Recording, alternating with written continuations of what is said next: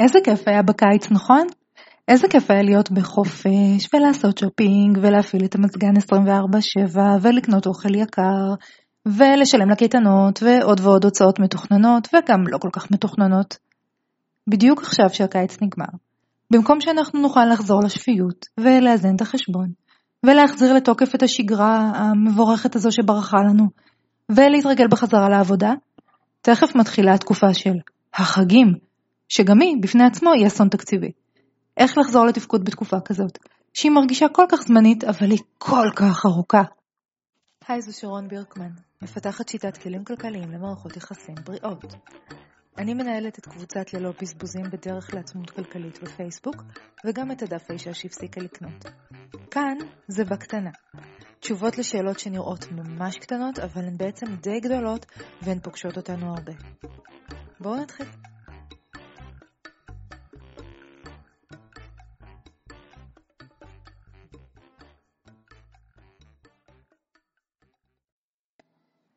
כל שנה אנחנו הישראלים מגיעים לסוף הקיץ, אנחנו כזה בהלם מההוצאות.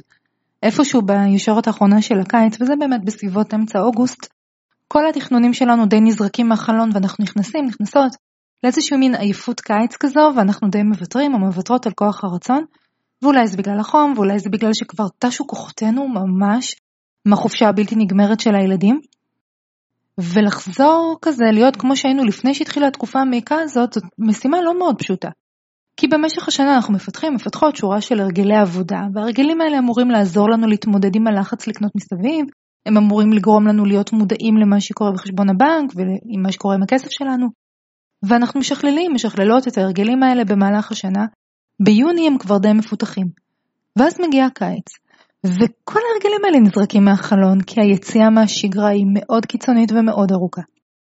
ואם ההרגלים שפיתחנו במשך השנה הוכיחו את עצמם, והם בדרך כלל מוכיחים את עצמם, עובדתית גם רובנו מסתכלים, מסתכלות עליהם במבט אפילו קצת נוסטלגי, של כשהיינו צעירים ויפים וכשידענו מה קורה בחשבון הבנק שלנו, אז רובנו נרצה לפתח אותם בחזרה. ואז יש לנו בעיה, כי זה נראה כמו לטפס על ההר מנקודת אפס. והמשימה הזאת שעשינו אותה כבר, כן, היא נראית פתאום בלתי אפשרית, כי בתור בני אדם אנחנו לא אוהבים משימות סיזיפיות. ובאיזשהו מקום אנחנו אומרים לעצמנו, אומרות לעצמנו, מה ככה זה יהיה כל פעם? אז למה בכלל התאמצתי? עכשיו כמובן שדבר הכי טוב זה לשמר לפחות חלק מההרגלים במהלך הקיץ. זה סוג של לקח שאנחנו לומדים לומדות אחרי הפעם הראשונה שהמצאנו את הגלגל התקציבי מחדש. וכדי שהחזרה לשגרה שלנו באמצע ספטמבר תצליח, הדבר הראשון שכדאי לעשות זה להזכיר לעצמנו כל הזמן שזה באמת עובד, שאלה הרגלים שאנחנו מרוצים, מרוצות מהם, שאנחנו רוצים, מעוניינים, מעוניינות בהם. ממש ממש לא כדאי לנסות לחזור ישר למצב שהיינו בו לפני הקיץ. זה מתכון בדוק לכישלון. בוא נגיד את זה ככה, גם אם לפני הקיץ יכולתי לרוץ עשרה קילומטר ובקיץ התבטטתי כל היום במשך חודשיים, אני כבר לא יכולה באמת לרוץ עשרה קילומטר ואין באמת הבדל מהבחינה הזאת מתקציב. לקח לנו כמה חודשים לפתח את ההרגלים האלה, סביר להניח שעבדנו לאט ובשיטתיות במקום במכה אחת, אז גם עכשיו כדאי לבחור הרגל או שניים שמבחינתנו זה הרגלי הדגל, ולחזור רק אליהם בתור התחלה. הכי כדאי בעיניי להתחיל מתיעוד הוצאות חם, שזה התיעוד במעמד הקנייה. אתם זוכרים את האפליקציה של התקציב שהתלבטנו לגביה ולקח חודש שלם לבחור והתייעצנו בקבוצה ועלו דיונים ובדקנו והסתכלנו וזה וזה וזה וזה? בקיצור, בקיץ אנחנו זונחיות אותה, זונחים אותה, כי למי יש כוח? עכשיו הקיץ נגמר וזה זמן מושלם לחזור לדווח בה את ההוצאות. אם כבר הגדרתם בתקציב, אז, אז עזבו את התקציבים עכשיו שהגדרתם. תחזרו לזה באוקטובר, לא עכשיו. כל המטרה שלנו עכשיו זה לחזור להזיז את התקציב קצת. לחזור לחשוב קצת בראייה כספית. אולי אפילו להציל את עצמנו טיפה. מבור עוד יותר עמוק שיקרה לנו בחגים. והשלב הבא זה לנשום עמוק, ממש עמוק, לשבת בשקט, ולעשות סדר עדיפויות של הקניות והבילויים לחג. מארחים או מתארחים, כמה אוכל, כל מיני חישובים, חופשות, חישובים של מתנות, תלושים לחג, זה בדיוק הזמן לחשוב על כל אלה. אחרת אנחנו נהיה מותקפים, מותקפות עם הפרסומות ועם ההרגשה האיומה הזאת שעוד פעם כולם נהנים מהחיים ואנחנו כזה יושבים בשקט בחושך וסופרים את השקלים. אז אם אתם כבר יודעים, יודעות שהקיץ היה כבד כלכלית במיוחד כי ראיתם בטעות פירוט אשראי, או כי נכנסתם לחשבון בנק וראיתם מה המצב שם, או כי המשכורת נבלעה שם.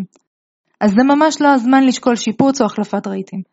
כי למרות שהמבצעים עכשיו נראים מדהימים, והם באמת נראים מצוין, יהיו מבצעים לכל אורך אוקטובר.